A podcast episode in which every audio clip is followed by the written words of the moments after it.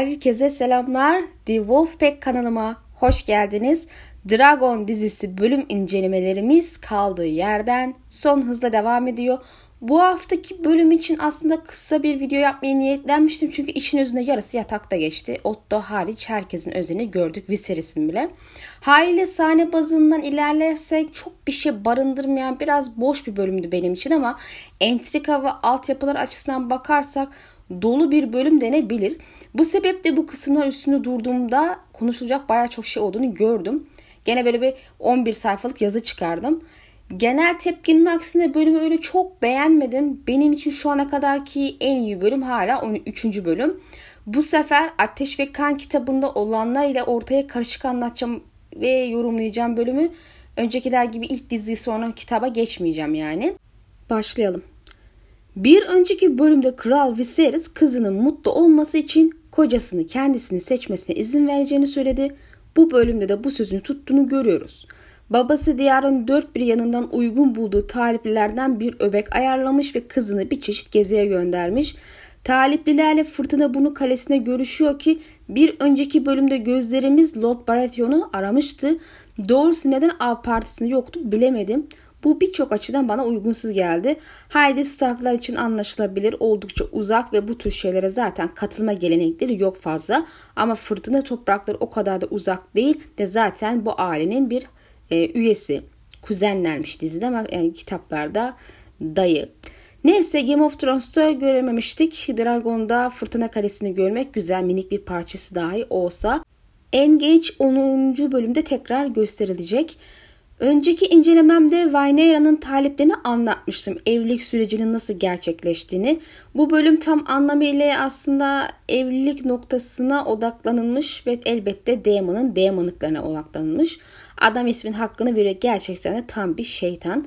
Sahne Lord Dondarrio'nun kendini pazarlamasıyla başlıyor. Kızın babasından bile yaşlı bir olarak görürüz kendisini. Kitapta dans dönemlerinde bu hane hakkında bilgi var diyemem kimin tarafına savaşa girdiklerini kesin olarak bilmesek de Azam Lord'unun liderliğinde hareket ederek Yeşillerin yanında durmuş olmaları mantıklı bir çıkarım olabilir. Prenses kendisini tersliyor ki bu insanları yönetmeye talip isen Lord Baratheon'un dediği gibi uygunsuz bir hareketti ve bu sefer çocuk yaşta bir Blackwood'u görüyoruz. Yani bir öncekinin tersine bir durum yaşanıyor ve Rhaenyra buna da ters tepki veriyor ama yine de çocuğun konuşmasına izin veriyor. Kenardan da Lord Bracken'ın oğlu sürekli çocuğa satışıyor. E, bilmeyenler için bu iki hane ezelden beri düşmandır. Bu sebeple burada bunu açıkça göstermeleri çok iyi olmuş. Zira ileride Blackwood hanesi siyahların Bracken'da yeşillerin yanında yer alacak. Zaten sahne sonlarında kitaplarda da olan bir düello gerçekleştiriyorlar. Ve Blackwood oğlanı Bracken oğlanı öldürmeyi başarıyor. Kitapta durum tam tersi ve ölüm yok. Niye böyle bir değişim yaptılar emin değilim. Birbirine karşı dansta farklı taraflarda olsunlar diye olabilir. Lakin tarihsel düşmanlık buna zaten yetiyordu.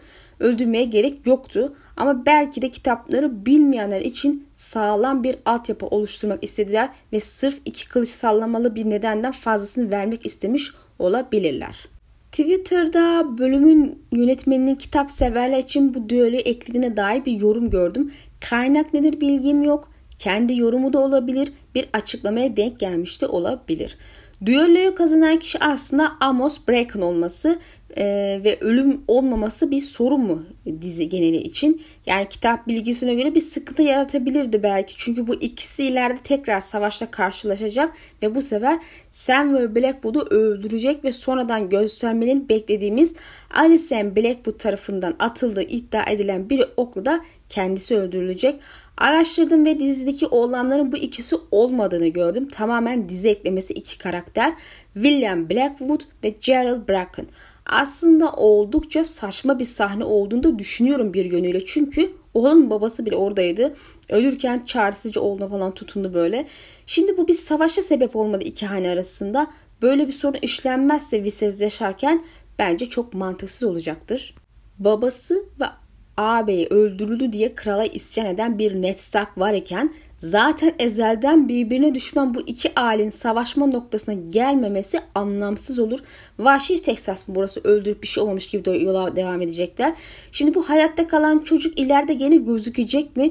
Yoksa bir sebeple ölmüş gösterip yerine olması gerektiği gibi Samwell mi gelecek? Çünkü hane lordu oydu demektir ki en büyük oğul kendisiydi. Bu William yaşarsa hane lordu Samwell olamaz. E karakterler farklı olunca düello sonucunda kazanan niye değişti onu anlamak kolay ama ne gerek vardı iki farklı karakter oluşturmaya sırf şu düello ölüm içersin diye mi diğer iki karakter sildiler veya işte ileri, ileriye erteleyip yerine iki karakter yazdılar. Bu tür şeylerin bence anlamı yok. Yine de Bracken kazanmalıydı bu düello. Sonuçta kitapta öyleydi. Belki yapımcılar benim gibi bu ikisi arasında Blackwood'ları tutuyordur. Tamamen kuzey milliyetçiliği yapıyorum arkadaşlar. Ondan kaynaklı. E, tabii bir de Blatrav'ın ailesi olduğunu unutmamak lazım. Onu da seviyorum. Bu iki hane biraz da güney ve kuzey kültür arasındaki çatışmayı temsil eder hale gelmiş olabilir aslında kitaplarda seride genel olarak. Buna dikkat çeken bir yorum görmüştü. Hoşuma gitti. Her ne kadar ikisi nehir topraklarında yaşıyor olsa da Blackwood'ların köken olarak kuzeyden geldiği düşünülmekte. Sonuç olarak eski inanca sahip kuzey kültürüne sahipler ve Vogue yeşil gören gibi kuzeyle bağlantılı güçlerin ailede hala faal olduğunu biliyoruz. Diğer yandan Bracken'da Andal inanç kültürünü temsil ediyor.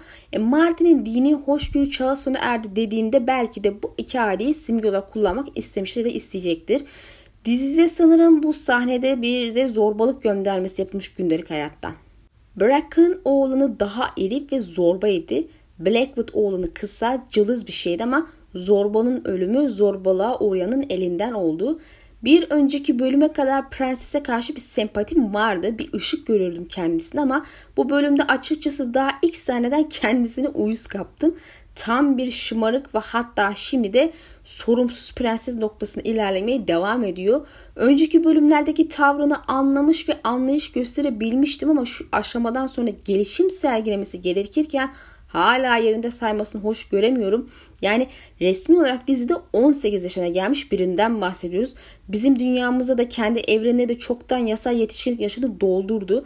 Bracken oğlunu sözlü tacizlerle oğlana zorbalık yapınca prensesin çocuğu koruyacağını farz etmiştim ama tam tersine alkış tuttu. Bracken oğlan için onu sevebilirim dedi.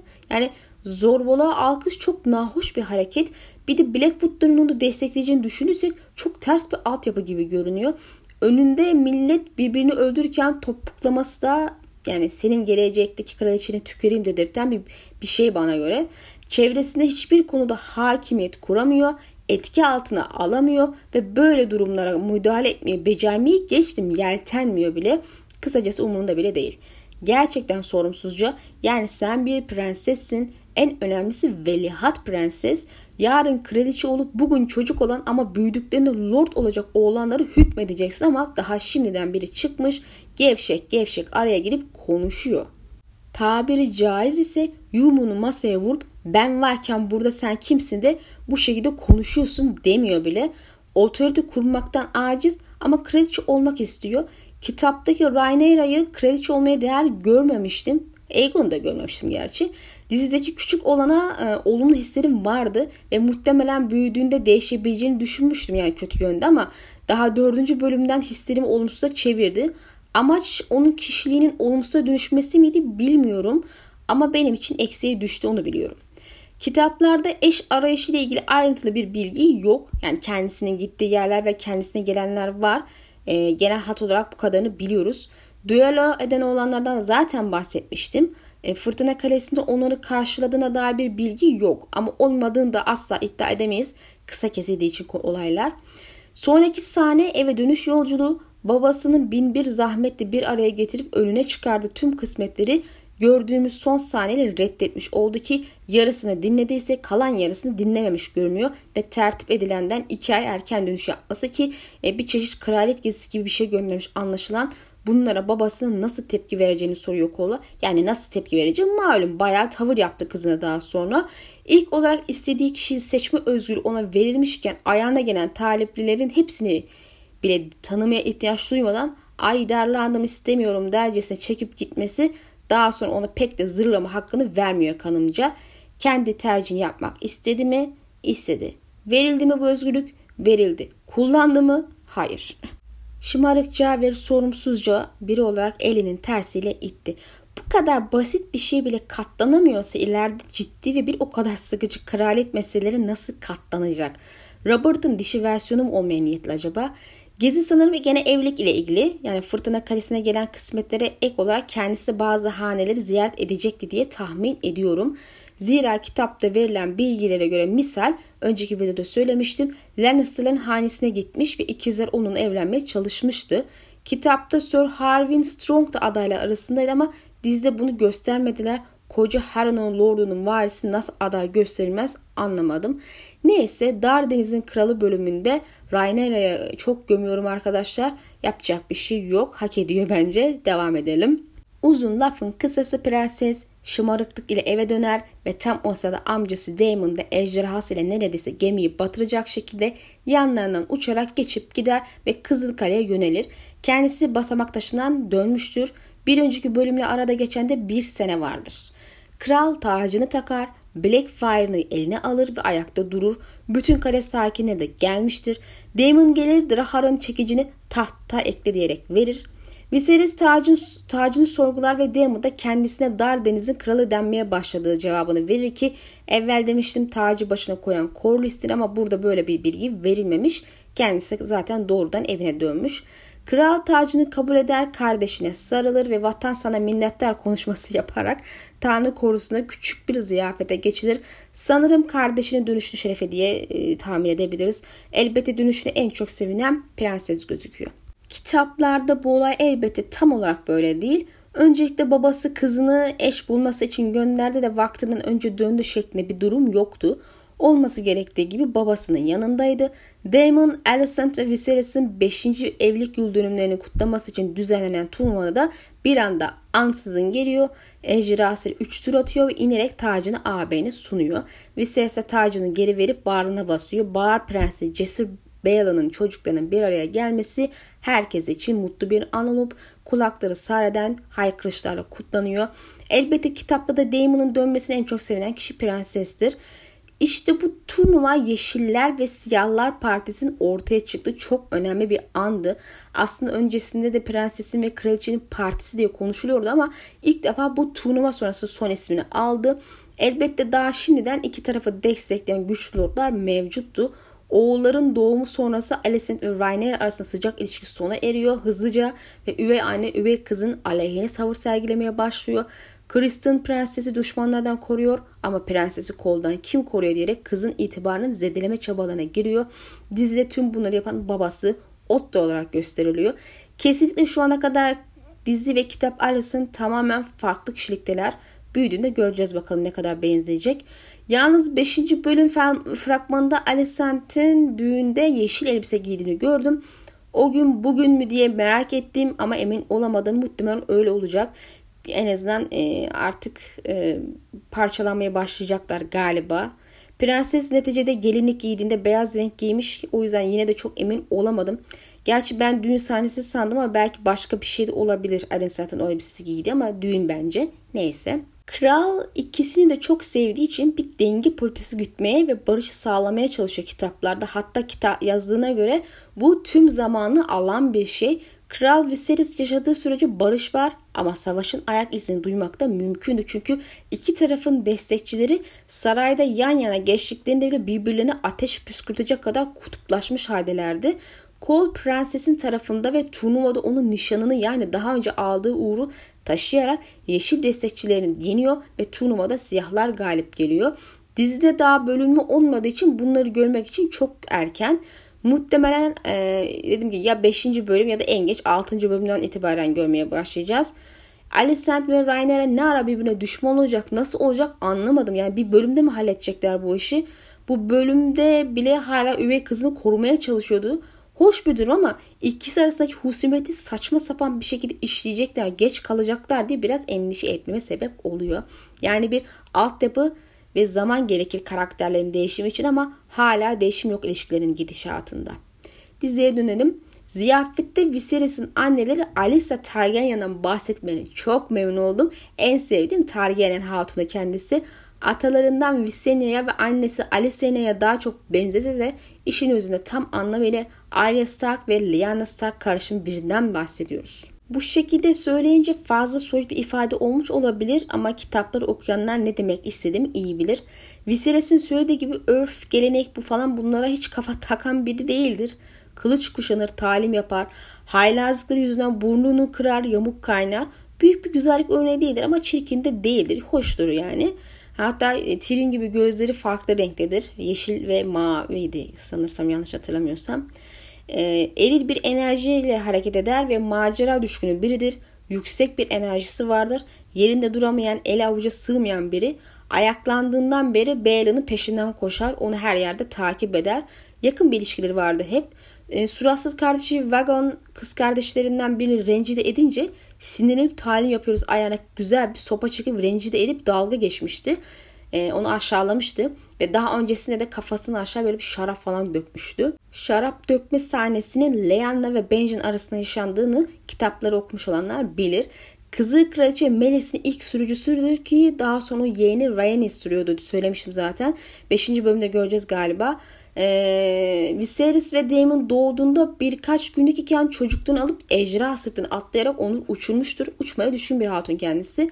Kocasına da küçük bir ordu verecek kadar çok çocuk doğurmaya yeltenmiştir ama üçüncü çocukları Aegon doğduktan aylar sonra ölmüştür.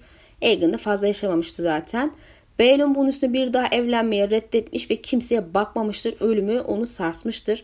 Daemon'ın fevriliği eve avuca sığmaz tavrı kime çekmiş derseniz anasına çekmiş denebilir. Elbette dizide söylendiği gibi Alysa'nın favorisi Daemon falan değil. Çünkü buna fırsat bulamadan öldü. Viserys kitaplarda 77 yılında doğdu. 4 sene sonra 81'de Daemon doğdu. doğdu. 2 sene sonra 83 yılında da Aegon doğdu ve 1 yıl içinde de öldü. Yani 84'te. Viserys 7 yaşındayken Daemon işte 3-4 yaşlarındaydı. Yüksek ihtimal annesini hatırlamıyor bile ve Viserys'i hayal meyal hatırlıyor olmalı. Anlaşılan dizide El Alisa daha uzun süre yaşamış. Bu arada e, dünya kitabında Alisa doğan ikinci çocuk ve en büyük kız çocuğu iken Ateş ve Kan Kan kitabında doğup ölmüş genç yaşta, yaşta kardeşler eklendiğinden örnek işte bir deneriz eklendiğinden 5. doğan çocuk ve ikinci kız çocuk olmuştur ablası deneden sonra. Onu da küçük bir ek bilgi olarak koyalım. Hani iki kitap okuyanların kafası karışırsa diye söylüyorum. Biz gene diziye dönelim. Babası tarafından terslenince Alicent ve Rhaenyra olay üstüne biraz konuşur. İşte talipler için dayanabildiğim kadar dayandım der. Alicent ona diyarda kızların iki talip arasında seçim yapması nadirdir. Hele 20 kişi arasında seçim yapabilen hiç yoktur diyerek aslında Rhaenyra'nın başkalarının bilhassa kendisinin sahip olamadığı bir lükse sahip olduğunu anımsatıyor. Diğer yandan prenses onların kendisine değil Valyria kanına ve ejderhaların yataklandıklarını ifade ederek sanır biraz da aşk aradığı sinyalini veriyor. Bu kısmı anlayabiliyorum tabi ama önce aramak lazım deneyenler var kapınızı çalıp ben geldim demiyor aşk arkadaşlar. Alicent bunun bir parça romantik olduğunu söylüyor ki neresi romantik anlamadım. Prenses de bir kaleye kapatılıp sürekli varis doğurmaya zorlamak çok romantik olmalı diyor ki istemeden de olsa bu lafın Alicent'e gitmiş olduğunu fark edince hemen toparlanıp özür diliyor ama Alicent darbe yedi bir kere surat hemen düşüyor ve gerçekliğiyle yüzleşiyor. E, bu durumdan hoşnut olmadığını zaten ilk bölümden beri biliyoruz. Babasının zorlamasıyla kralın gönlüne girmek için uğraştı ve başardı. Üstüne sürekli varis doğurması için teşvik ediliyor. Bu da yetmezmiş gibi babası bu sefer de Aegon'u varis ilan etmesi için aklına gir kralın diye kışkırtıyor. Bölüm sonlarında dile geleceği gibi kadın erkek arasında da bazı ikiyüzce tavırlarda sergileniyor. Erkek iste, erkek istese e, bir milyon kişiyle birlikte yatar. Bir kadar da piçi olur. E, kimse senin namusunu, konumunu sorgulamaz. Ama kadın ise oho kıyamet falan kopuyor. Oysa iki tarafta eşit şekilde sorgulanması gerekmez mi böyle şeylerde? Yani namus hep kadına yüklenir. Bu hep sorgulanan bir şey günümüzde. Yani hiç anlam veremem. Böyle erkekler zaten doğuştan mı namussuz oluyor da uğraşmıyorlar o yüzden. Ya da ne bileyim e, ne olursa olsun kirlenmiyor mu bu namus bunlarda.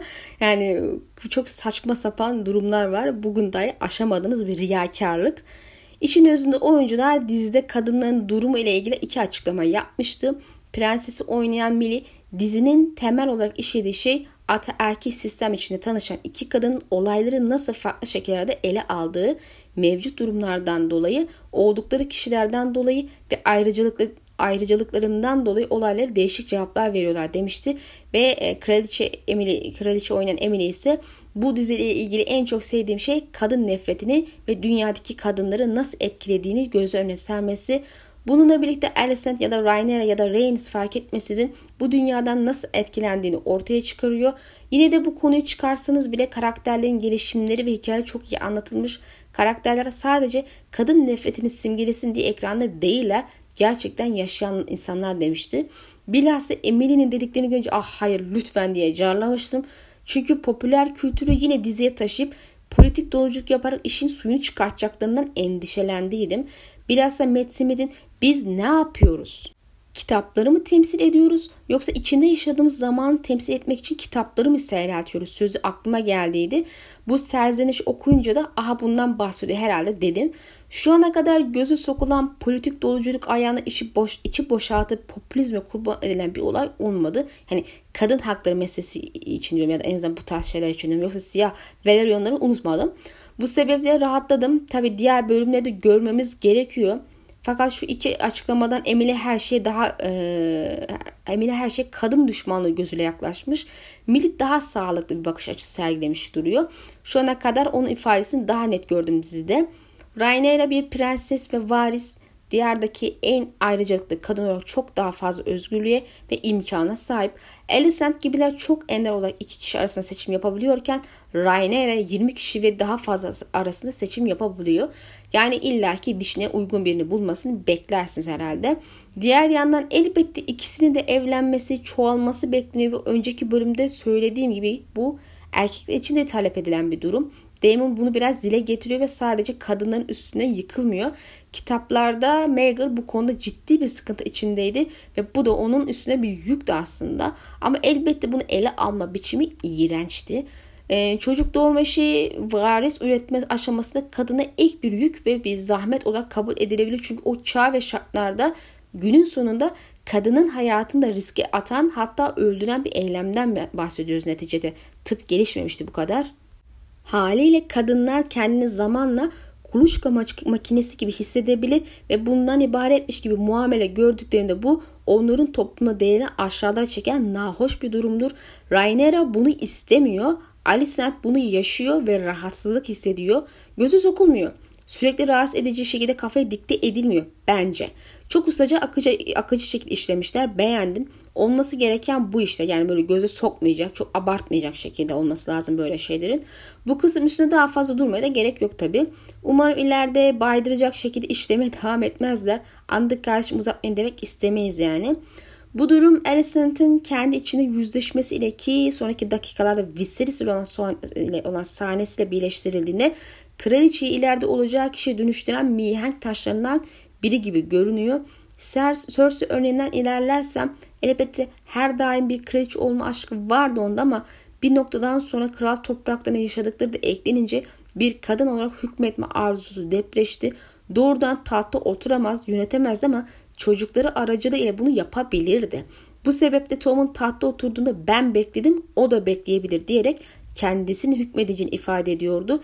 Cersei'nin bir zamanlar çok masum olduğunu hayal etmek imkansız ama onun da kendi çapında saf olduğu anlar olduğunu düşünmek tamamen yanlış değil. Kral topraklarına kraliçe olarak geldiğinde bir dönem Varys'ten başka dostu olmadığını düşünmüştü ki bu da onun başkentte kalede yalnızlık çektiğini, arkadaş bulamadığını ve kimseye bir türlü güvenemediğini gösteriyor ama zamanla onun da ne olduğunu anladığında muhtemelen kendinden başka kimseye güvenemez oldu. Belki bir tek Jaime ama o da 3. kitaptan sonra ona karşı güvenilmez bir hale gelmişti. Alicent de benzer bir gelişim geçiriyor gibi özellikle de son zamanlarda arkadaşlarım azaldı diyerek Rhaenyra'yı en yakın hatta belki tek arkadaş olarak gördüğünü gösteriyor ve o da benzer karşılık veriyor. Oyuncunun söylediğine göre Alicent sıkışmış hissediyor, yalnız hissediyor, izole olmuş bir karakter var elimizde. Muhtemelen tırnak içinde Alicent'in bakış açısına göre yakın arkadaşı ileride ona ihanet edecek bir harekette bulunacak ise bu ondaki değişimi tetikleyecek şey olabilir. Doğrusu aklıma başka bir şey de gelmiyor. Genelde bu tarz e, düşmanlıkta hep böyle ihanet noktasında oluyor. İki tarafta birbirine ihanet suçlaması yapacak galiba. Muhtemelen bir yanlış anlamadan kaynaklı ya da gerçekten de istemeyerek de olsa buna sebep olacak bir şey. Sanırım ikisinin arkadaşlığının düşmanla evrilmesi dizideki en trajik şeylerden biri olacak. Genel fragmanlarda Rhaenys'in ona kendini demir tahtta hayal ettin bir sorusu Cersei benzetmemi onaylayan bir şey olabilir. Daha sonra Damon ve Rhaenyra'nın neden döndü konuşmasına geçiyoruz. Prenses dönüş sebebinin babasına sataşmak için olduğunu söylüyor ki aslında sonuna kadar haklı. Ne kadar haklı olduğunu haberi bile yok ama Damon sadece evimin rahatlığı için döndüm diyor. Savaştan döndüğünden beri Damon böyle değişmiş ve olgun gibi hareket ediyor ama günün sonunda her zaman yaptığı gibi Damon'lık yapacak. Bu kısma geleceğim bu sebeple niyeti kısmına fazla gelmiyorum. Bu sahnede sadece Alicent ile olan konuşmanın devamı olan evli çocuk meselesini dinliyoruz. Rhaenyra'nın annesi gibi olmaktan korktuğunu görüyoruz. Bu açıdan baktığımızda kısmetleri geri tepmesi ve evlenmekten uzak kalma çabası çok doğal geliyor.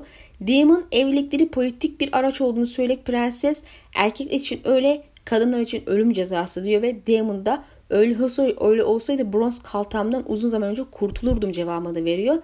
Rhaenyra'nın kastettiği şey aslında bebek. Karın şahsıydı çünkü hamile kalmadı diyerek doğum yapmanın kadınları öldürdüğü için evliliğin ölüm cezası gibi göründüğünü anlıyoruz onun gözünde. Doğal olarak korku içinde olan bir kadın görüyoruz ki bu da yani dediğim gibi bu tepki çok doğal. Annesinin başına gelen travmatik bir olay onun için ama Damon'un da söylediği gibi hayatını korku içinde yaşayamazsın yoksa en iyi yanlarını unutursun. Bu sebeple bu kısmı tamamen aşması gerekiyor. Özellikle de konumunu düşünürse şart.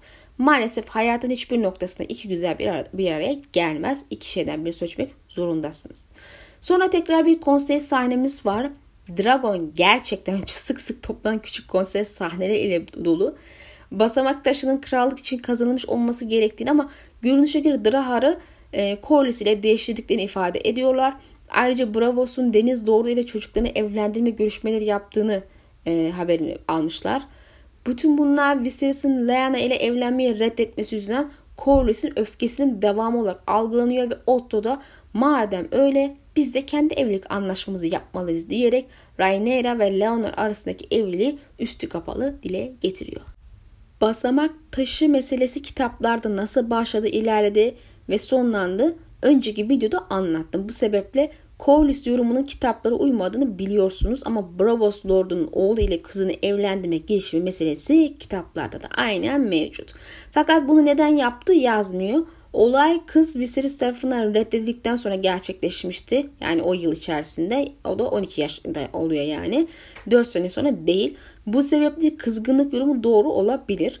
Bravos Lord'u da evlilik olmadan ölmüştü ve oğlu iş yaramaz olduğunu kanıtlayarak babasının servetini ve gücünü hiç etti. Her şeyi tükenince o solu Driftmark'ta Valerion'un yanında aldı. Corlys artık evliliği istemiyordu ama bu işten kurtulmanın uygun bir yolunu bir türlü bulamıyordu. Daha evvelki videoda da anlatmıştım. Nişanlandın ama hadi gel bozuyoruz falan kolay bir iş değil. Leana o sırada 22 yaşındadır. Hikayenin kalan kısmını dizinin ilerleyen bölümde, bölümlerinde anlatacağım. Bu sebeple burada bırakıyorum. Ama herhalde geçmiş fragmanlarda e, ne olduğunu aslında gördük gibi. Hani tekrar izlerseniz böyle Driftmark'ta Damon'ın böyle gırttan yapıştığı biri vardı. Oradan çakoza inişi. Daha sonra kitapları okuyan kişilerin merak ettiği bir konuya kapı açan önemli bir sahne geliyor. Damon Rhaenyra'ya odasındaki gizli geçitleri gösteren bir harita ve talimat bırakıyor. Oğlan kılığına girmesi için kıyafet bırakıyor ve prenses ile birlikte buluşup şehre akıyorlar. İpek sokağında dolanıyorlar. Millet geziyor, eğleniyor, oyun izliyor falan. Lakin bu konuya girmeden evvel talimat, talimatlarda Valeria harflerini gördüğümüzde dikkat çekmek istiyorum. Hoş bir ayrıntı oldu. Daha önce Valeria harflerinin işlendiğini hatırlamıyorum Game of Thrones'ta. Kitaplarda zaman zaman geçer. Hatta Tyrion bazı kelimeleri okuyabiliyordu. E, tekrar diziye dönelim. Rhaenyra saf saf Daemon'un o beklediğini görünce böyle bir seviniyor macera, macera çıkacaklar diye. Adamın ne planlarından bir haber kız takip ediyor. Sokaklarda gezinirken biri buna böyle çarpıp dikkat et oğlum deyince de sırıtıp bana oğlum dedi diyor. Daha önceki videoda da söylemiştim. Ari ile benzer noktaları var diye işliyorlar. Ama hani bilinçli işlediklerini hep zannetmiyorum dediğim gibi. Bu da bana sürekli Arya'nın giydiği kıyafetler ve pasaklı olması yüzünden oğlan sanılması anımsattı. Burada bir foreshadowing vermişler. Gözleri olmayan bir kadın ölümünü bilmek ister misin çocuğum diyor ve o sırada alev püsküren ejderha kafasından meşale görüyoruz. Rhaenyra'nın nasıl öldüğünü bildiğimiz için bizim için hoş bir ayrıntı oldu. Sokakta Halbine yakalanıyor ki adam kitaplarda olduğu gibi bir altın pelerin kızın oyunu oyup e, gitmesine izin veriyor. Damon sonra bunu asıl amacını yerine getirmek için zevk evlerinden birine götürüyor. İçeri girince şapkasını bilerek çıkarıyor kendisini de ifşa ediyor. Muhtemelen Rhaenyra'nın daha önce hiç düşünmediği şeyler konusunda duygularını uyandırıyor ve baştan çıkmasını sağlıyor. Sonrası zaten malumdur fakat sonunu getirmeden kızı bırakıp gidiyor. Beyaz solucan odasında uyanıyor. Bu arada bence burada Rhaenyra'ya söylenen o sözler daha sonra bu kızın istediğine boncuk dağıtan biri olmasına sebep olacak sözler.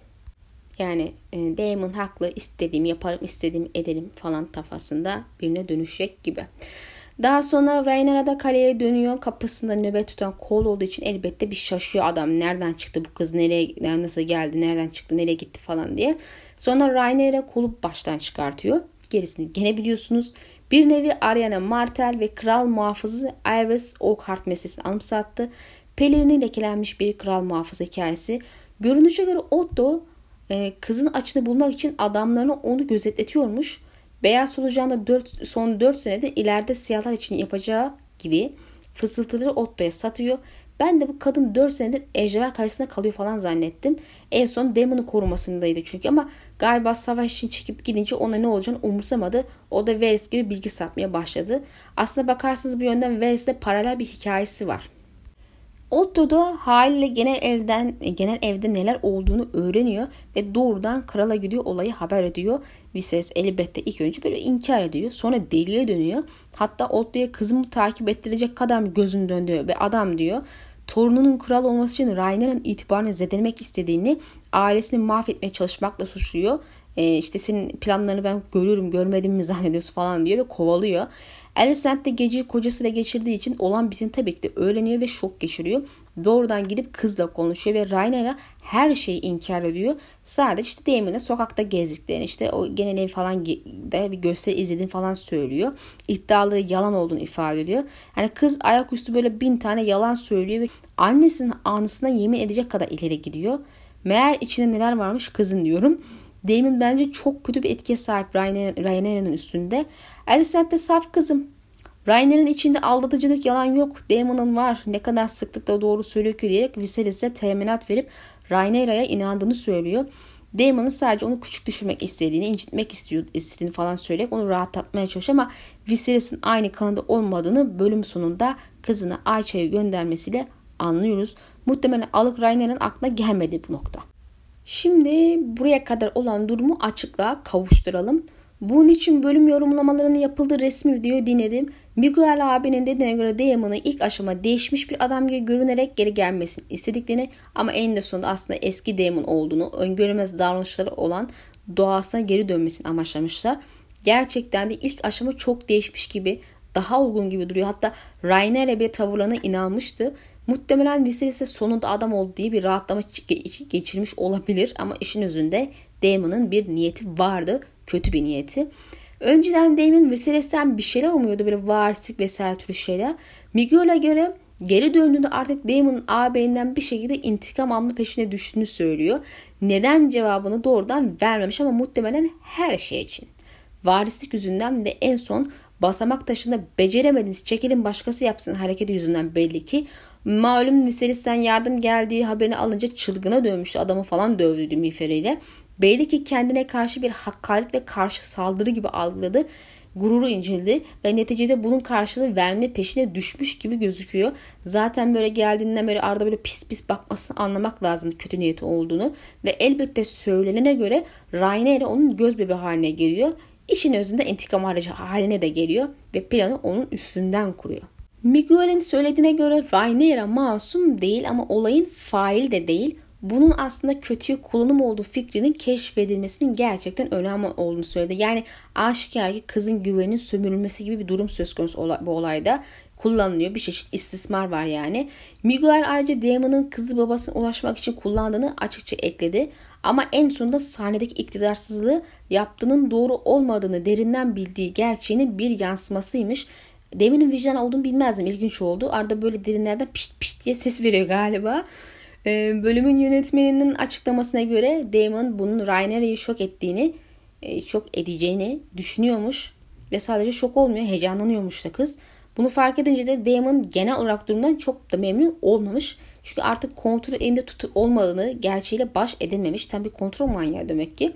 Açıkçası Daemon gerçekten tam anlamıyla şeytanlık yapmış bu olayda. Otto'ya kızını e, krala gönderdi diye bir ton laf ettik ama Otto'dan daha kötü çıktı pislik. Mide bulandırıcı Targaryen geleni bir kenara koydum. Herif kızı resmen sömürüyor, kullanıyor ve güvenine iade ediyor. Ve ne için? Sırf ağabeyi savaşa yardım gönder diye intikam almak için. Tam yine bir tam anlamıyla bir kahpelik yapıyor Daemon burada. Gerçi doğasına da uygun hareket ediyor ama bir insan hiç mi değişmez ya? Bu kadar mı dürtü kontrolü sorunu var bunda? Yaşlandıkça kitapta biraz adam oluyor gibiydi. Biraz duruyor gibiydi sanki ama dizide ne olacak bilmiyorum. Damon'ın planı kısmı daha sonra Viserys ile yüzleşmesi sahnesine devam edeceğiz. Şimdilik prenses tarafına tekrar geri dönelim. Rhaenyra'nın Cole ile olan durumunun nasıl yorumlanması gerektiğinden çok emin değilim. Yaptığı şeyi kötüleyen de var. Ne var ki kolu zorlamadı netice diye savunan da bu konuda ikiye ayrılmış insanlar galiba. Çok net kesin bir yargım yok şimdilik. Neticede tek saniyelik bir olay ve ilişkilerin devamında ne olacağını net görmek gerekebilir. Olaya her yönüyle yaklaşalım. Açıklamalara göre kol kız için hislere sahip yani kolun tüm yeminlerine rağmen karşılık vermesi kesinlikle bir zorlama değil. Tamamen romantik duygular beslenmesinden kaynaklı. Elbette sahnede görürüz ki bazı şüpheleri, endişeleri ve vicdan sızlaması da vardı. Beyaz pelerini eline aldığındaki o, o kısa duraklama her şeyi açıklıyor. Ama kızı olan hisleri baskın geliyor. Rainer için aynı şeyleri söyleyemiyorum. Belki ondan hoşlanıyorlar ama açıklamalara göre Cole sadece o an yanındaki en uygun kişiydi. Yani Cole yerine o kapıda Sir Halvin olsa ona da sarkacak. Bu yüzden e, prensesin ona karşı öyle çok da romantik duyguları olduğunu iddia edemeyiz. Dediğim gibi hoşlanıyor, oluyor, hoşlanıyor olabilir ama Cole gibi değil. Cole romantik hisleri yüzünden başlarım yemin ederken Rhaenyra arzusunu tatmin edecek uygun birinin peşindeydi. Yani bu açıdan bakarsak Cole bal gibi bir cinsel nesne olarak kullanıldı ve hisleri sömürüldü. Ee, bu yüzden bence Damon'ın yaptıklarından çok farklı gelmiyor gibi ama muhtemelen Cole'un hislerinden de bir haber sonuçta hiçbir zaman itiraf etmedi. O anda sadece arzusuna teslim oldu sanıyor diye tahmin ediyorum. Bu şekilde yaklaşırsak kullanılmış olsa da çok bilinçli yani kullanmış olsa da oğlum çok bilinçli bir şekilde yapmadı. Bunu yani bir art niyetli bir durum yok gibi düşünüyorum. Damon'da olduğu gibi. Yine de bu tabii ki işin doğasını değiştirmiyor. Ygritte'in söylediği gibi niyetin adamı öldürmek olmasa da adam günün sonunda hala ölü. Sonuç ne olursa olsun bu seçim Rhaenyra için her şeyi değiştirmiş. Rhaen o şekilde ifade ediyor. Her şeyi değiştirdi onun için diyor. Benim kişisel fikrime göre demek istediği e, ileride Harwin ile takılınca Cole kendisine ihanet olarak algılayacak bu durumu incinecek ve kullanıldığını fark edecek. Neticede kendisi için çok mühim olan yeminini ona olan duygular için bozdu. Çünkü onun da ona karşı romantik hisler beslediğini sandı diye düşünüyorum. Ama her şey basit bir oyunmuş ve bozduğu yeminine de değmedi. Evet kimse kolun boğazına bıçak dayamadı. Neticede ne olursa olsun yeminine bu kadar değer veriyorsan o halde kendine hakim olacaktın. Günün sonunda herkes kendi eyleminden sorumludur. Neticede bu eylemde iki taraf da masum değil. Ama kol ihanete uğrayan uğrayacak taraf olacak gibi duruyor. Bu da onun Rainer'e olan nefretini körükleyecek ve Yeşillerin yanına geçerek Aegon'u ileride kral ilan edecek. Rainer'e aptal resmen kendi ayağına sıktı. Açıkçası hak etmediğini de söyleyemiyorum. Sonuna kadar hak etmiş gözüküyor. Elbette tüm bu olan bitenler evlenmesini zorlaştıracak şeyler. Kitaplarda da zaten dedikolar çıkınca biraz sıkıntıya düşün ifade ediyordu. Neticede günün sonunda Viserys onun Leonor Velaryon ile evlenmesini emrediyor. Rhaenyra da kabul ediyor. Gene bir baba kız atışması görürüz tabii ki burada. Ee, gene Viserys'i tutuyorum kimse kusura bakmasın. Yani yanlış bir şey yaparak kendi pozisyonu tehlikeye atıyor Rhaenyra ve insanların algılarında olumsuz bir imaj çiziyor ki Viserys'in söylediği gibi gerçekler önemli değildir. Önemli olan algıdır doğru ya da gerçek algılar bozulduğunda neler olduğunu Maegor ve abisi Aenys döneminden görüyoruz. Maalesef durum bu. Prenses masum da olsaydı algı tersi yönde ise bir önemi yoktu. Ama Rhaenyra'nın söyledikleri de doğru. Daha önce konuştuk. Prensesin dediği gibi erkek olsa olan biteni kimse umursamazdı. Bu bir ikiyüzlülük. Viserys'in artık onca bölüm bir baba olarak kızına karşı sabırlı olmasının üstüne ki hikayede bu 6 sene oluyormuş. Artık istemek yeni kral olarak emretmeye talep etmeye başladığını söylüyorlar. Kızı Leonor ile evlenecek tartışma bitmiştir. Çünkü Viserys'e göre diyarın korunması gerekiyordur ve ortada varisler olmadığında diğer savunmasızdır. Aslında baba kızın konuşmasının başına bakarsak Viserys için bu kehanetin sorumluluğu çok ağır ve kendisinden sonraki kişinin krallığı hazırlaması en azından hazırlanmasına katkı sağlaması ve mirası aktarmasını arzuluyor. Çünkü be, mesele basit bir hükümdarlık ve tattan daha büyük kişilerden, kral ve kraliçelerden daha önemli bir şey, daha büyük bir şey ve Rhaenyra bu sorumluluğa layık olmadığını bence gösteriyor. Sorumsuz davranıyor. Babasına o halde beni Aegon ile değiştireceksin dediğinde bunu yapardım. Ama işim krallığı bölmek değil bir ara tutmak diyerek bu eğilimin krallığı böleceğini söylüyor. İnandı en azından bu. Doğrusu bence durum tam tersi olurdu. Yani geleneklere ve emsallere göre hareket edip Aegon'u seçseydi dansın olması için bir sebep görmüyorum. Gerçi Damon rahat durmazdı belki ama bunca yıl tek başına hiçbir şey yapmadıysa, yapamadıysa bundan sonra dans gibi bir sonuç doğmaz onun yüzünden. Başka işler karıştırdı en fazla o kadar diye düşünüyorum. Bu arada hançer meselesini daha bir işleyip geçmişini daha değerli kılıyorlar. Resmen hançer aile yadigarı çıktı ya. Aegon ve onun dedesi Aenys'e kadar gitmiş. Hani Valeria'yı terk eden Aenys. Üstüne Aegon ölümden önce kehaneti Valeria harfleriyle gene yazmış üstüne. İki tane aile yadigarı kılıç verken ne diye hançerin üstüne yazmış bilemiyoruz ama bu resmi olmaktan uzak bir bilgi olduğu için bu soruyu sormaya gerek yok. E, kitaplarda hançerin bilen en eski sahibi serçe parmak. Joffrey'nin isim günündeki turnuvada Robert kazanıyor ondan. E, sonrasında zaten Winterfell'den giderken Joffrey de Bran'ı öldürsün diye bir suikast hançeri veriyor. Arkasından olan biten hepinize malumdur. Hançer sonra tekrar sahip olan Petri Belish'e dönüyor ama ondan önce hançerin sahibi kimdi? Nereden geldi? Bilgimiz yok. Haliyle görünürde hiçbir tarihsel önemi olmayan bu hançerin Martin niyetlendiyse veya niyetleniyor ise ileride dizideki bilgiyle paralel şekilde kitaplarda işlenmesi de mümkün. Neticede daha kimse hançeri ateşin içine koymadı diyebiliyorum. Belki ileri, ilerleyen yıllarda isyan sonunda kale yağmalanmış hançer başkalarının eline geçmiş olabilir diye fikir atan arkadaşlarım var. Böyle işlenebilir elbette. Ben serçe parmağım bu hançer öleceğini düşündüğüm için kitaptaki e, Bran meselesinden sonraki e, yegane önemini bunu nasıl tutmuştu ama dizideki gibi olsa da bence hoş olabilir. Kehanete gelirsek daha evvel konuştuk aslında. Bahsetmiştim bu kısmın işleneceğinden ama gene böyle bir yüzeysel oldu birkaç cümlelik geçelim. Vaat edilmiş prens Aegon'un kanından gelecek ve onunki buz ve ateşin şarkısı olacak. Bu kehanetin kendisinden ziyade aslında kehanetin yorumu arkadaşlar. Bu kısmı daha önce parmak basmamıştım galiba çünkü ben de sonradan birinin yazdığı yorumla fark ettim. Kehanetin aslında ne olduğunu bilmiyoruz. Daha çok neyle ilgili olduğunu ve Aegon'un yorumunu biliyoruz. Yorumun tamamen yanlış olduğunu sanmıyorum ama e, yani biri bekleniyor ve Buz ve Ateşin şarkısı diye bir şey var ama neden Buz ve Ateşin şarkısı demiş yani e, şarkı söyleyen birilerini mi görmüş? Tahtta bir ejderha vardı ateşiyle buzun dengeli hale geldiğini mi görmüş? Dediğim gibi şarkı mı söylemiş? Bütün bunları bilmiyoruz. Hani bu yorumu neyi gördü de yorum yaptı bilmiyoruz. İnsan bir kitap yazar bununla ilgili. Hançer'e yazmış kısacık bir şey. E, kitabı yazmıştır demiştim ama Hançer de oldukça özgün bir fikir. E, kitap yanar kaybolur ama ejderha çeliği yanmaz. Kaybolsa bile bir milyon yılda geçse tekrar bulunur ve hala üstünü okursun. Ama işte böyle kısa kısa yazıyorsun sonra mecburen. Otto bir Viserys konuşmasına geçelim. Açıklamalara göre Otto bu kucağına düşen fırsatı gerçekten de Rhaenyra'yı mahvetmek ve Aegon'u varis yapmak amacıyla kullanmak istiyor. Lakin bazı tereddütleri de var. Bu haberi başkasının ona götürmesini anlatmasını diliyor. Çünkü bu haber sadece prensesi değil babasını da mahvedecek, yıkacak bir şey. Ve Otto gerçekten kralını, Viserys'i seviyor. Bunu öğrenmek hoşuma gitti aslında. Özellikle Viserys'in daha sonra ona bana kral olmayı sen öğrettin dediği kısmını birleştirdiğimde bence Viserys onu seviyor. Sonuç olarak yine de bu haberi veriyor ve görürüz ki Viserys sandığımızdan da daha fazla olan bitenin farkında. Açıklamaya göre Otto'nun yozlaştığının farkında. Kızının yapması gereken bir şey yaptığını tabii ki farkında. Prenses ise onu birilerin gözetlediğini ve bundan sorumlu kişinin Otto olduğunu farkına varıyor. Çıkarım yapıyor aslında ama doğru bir çıkarım yapıyor. Babasını açıkça Otto'ya uzaklaştırması gerektiğini, onun bir akbaba olduğunu söylüyor. O Leano ile evlenmek vazifesini yapacaktır ama önce Viserys'in kral olarak vazifesi yapması gerekiyor. Al gülüm ver gülüm meselesi yani.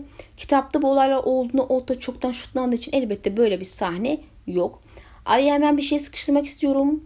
Viserys Alicent'ın yanına çağırmadan önce bir şeyler edemeyip içiyordu kız. Acaba gizlice Ayça'yı içmeye mi çalışıyordu? Özellikle bahçede Rainer'in söylediği şeyin ardından böyle bir sahne görmek ve en sonunda da ay çayının prensese getirilmesi ve doğru demlenmediği halde işe yaramayacağı ya tatsız sonuçlar verebileceğini söylenmesi bana ay çayın içtiğini düşündürdü. Yahut sadece sakinleşten bir çay içti. Her zaman stres bir olduğunu biliyoruz. Bu da olabilir. Herkes odasına çekilirken pencere önünde ağlayan bir çocuğu avutmakla uğraştığını gördük. Sanırım geçen bölümde Viserys bu bölümde de Alicent iç çatışmaları e, yaşıyor. Sorgulamalar yapıyor bölüm boyunca.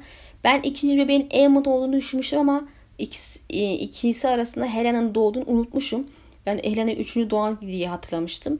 E, bebek kim açıklanmadı sanırım ama muhtemelen kızı doğurmuş olabilir.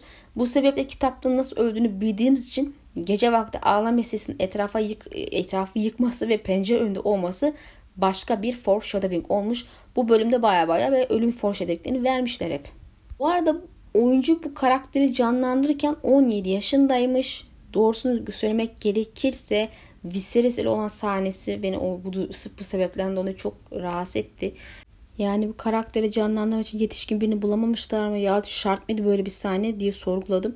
Yani basitçe odaya çağırır. Sonra mutsuz bir şekilde yatakta uzanıp uzaklara baktığı bir sahnede her şeyi anlatmaya yeterdi ki öyle bir sahne gerçekten var. Yani otoboka her şeyi çığlık atanların iş böyle şeyler geldi böyle alkış tutup of çok güzel yapmışlar falan demesini de böyle e, 200'lüce buluyorum. Azıcık biraz tutarlı olmak lazım.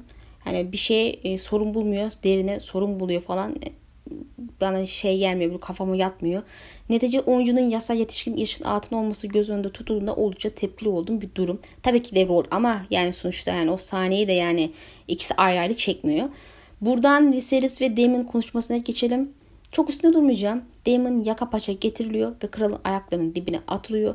Yediği naneyi inkar etmediği gibi aslında üstüne bin kadar he ne olmuş tavrında konuşuyor aile gelini devam ettirmekten ve hanedanı eski günlerine kavuşturmakla gibi şeyler konuşuyor. Sanki çok kötü bir durumdaymış gibi.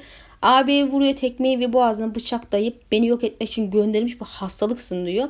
Gerçekte istediği şeyin tatlı olduğunu söyleyerek onu gene vadiye postalıyor. Bu sefer Damon itiraz etmeden gidecek gibi vadili Lady ile tanışacağız anlaşılan. Bu arada geçen bölümde ifade ettiğim gibi anlaşılan Drahar ile Basamak Taşı Savaşı tamamen sona erdirilmiş. Çünkü bu olay sonrası geri dönmüştü ama şimdi vadiye postalanıyor. Karısı ölünce dönecektir diye tahmin ediyorum ki hmm, geçmiş fragmanlardan görebildiğim kadarıyla herhalde bu Leonor ve Rainer'ın düğüne denk gelecek. Çünkü kutlamaya katılıyordu bir tane. E, karısı attan düşüp ölüyordu kitaplarda. Dizide Damon öldürmüş gibi gösterirler mi acaba diye düşündüm. Ve fragmandan alınan iki fotoğrafa göre böyle bir şey olacak gibi gerçekten de. Yani en iyi ihtimalle Damon istemeden kadını ürkütüp atın şahlanıp düşmesine neden olacak galiba. Veya bilerek artık net bilemiyorum. Kadından acayip nefret ediyordu. Kitapta da nefret ediyordu ama karısı o öldüğünde o basamak taşındaydı. E, Damon'ın planı, planından amacından bahsedelim diyeceğim de ne olduğundan ben de çok emin olamadım. Tamam intikam almak istediği ama sadece bununla mı sınırlı? Yani dedikodu çıkınca rahatlayacak mıydın? Millet onları görsün diye kimliklerini açıkça ifşa ediyor zira. Yani bilinmesin, duyulmasın e, demiyor. Duysunlar, bilsinler diyor. Bu Viserys'in konumunu küçültmek dışında Daemon'a ne kazandıracaktı? İntikam dışında bir planı vardı ise başarılı olmadığı aşikar. Yahut sadece Viserys'in Viserys delirsin diye ise bunu başardı. Tebrikler. Benim aklıma gelen şey tahta kavuşmak için en iyi yolun varisle evlenmek olduğunu düşünmüş olabilir. Nitekim bu niyetini ileride gerçeğe dönüştürüyor ve kitaplarda hep bu amaçla hareket ettiğini düşünmüşümdür. Haliyle böyle bir hareket ile Viserys'i ondan başka bir şey seçenek kalmayacak şekilde sıkıştırmak istemiş olabilir. Aslında kitaplarda buna niyet ettiğini düşünmeme sebep olan bir söz ediyor Damon. Onu benimle evlendir bu saatten sonra onu kim alır ki? Böyle diyor. Kitaplarda bu olayın birden fazla versiyonu var. Büyük Üstad Runsiter e, iki kardeşin kavga edip prensin savaşa geri döndüğünü yazmak dışında bir bilgi vermemiş. Kraliçenin ısrarla onu gönderdiğini söyleyenler de olmuş. Rahip Eustace'a göre kızı baştan çıkarıyor işte bir kral muhafızı şahit oluyor ve kral huzuruna çıkarılıyorlar.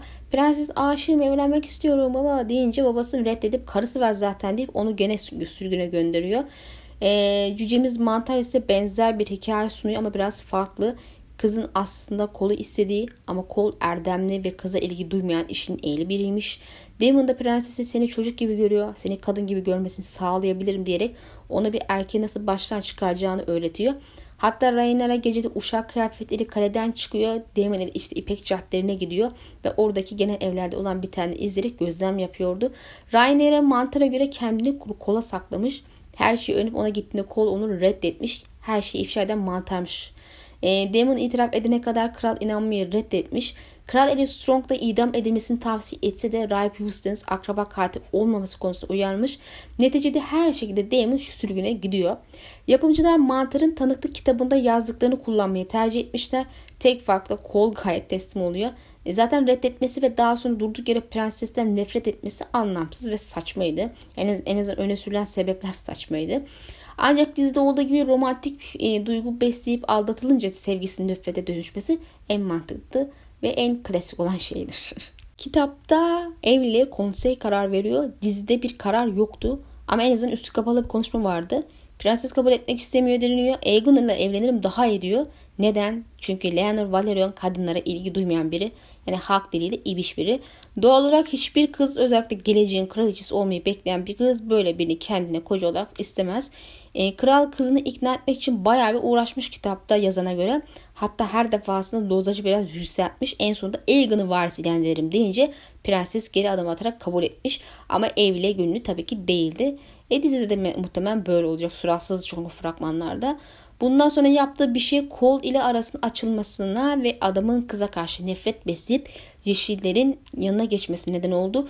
Bu muhtemelen sonraki bölümde göreceğimizi düşündüğüm bir şey olduğu için çok fazla mevzu bahis etmek istemiyorum. Haritaya girmek istemiyorum ama fragmana göre düğün olaylı gelecek geçecek ki bir Game of Thrones geleneği olarak kansız, kavgasız, savaşsız olması mümkün değil.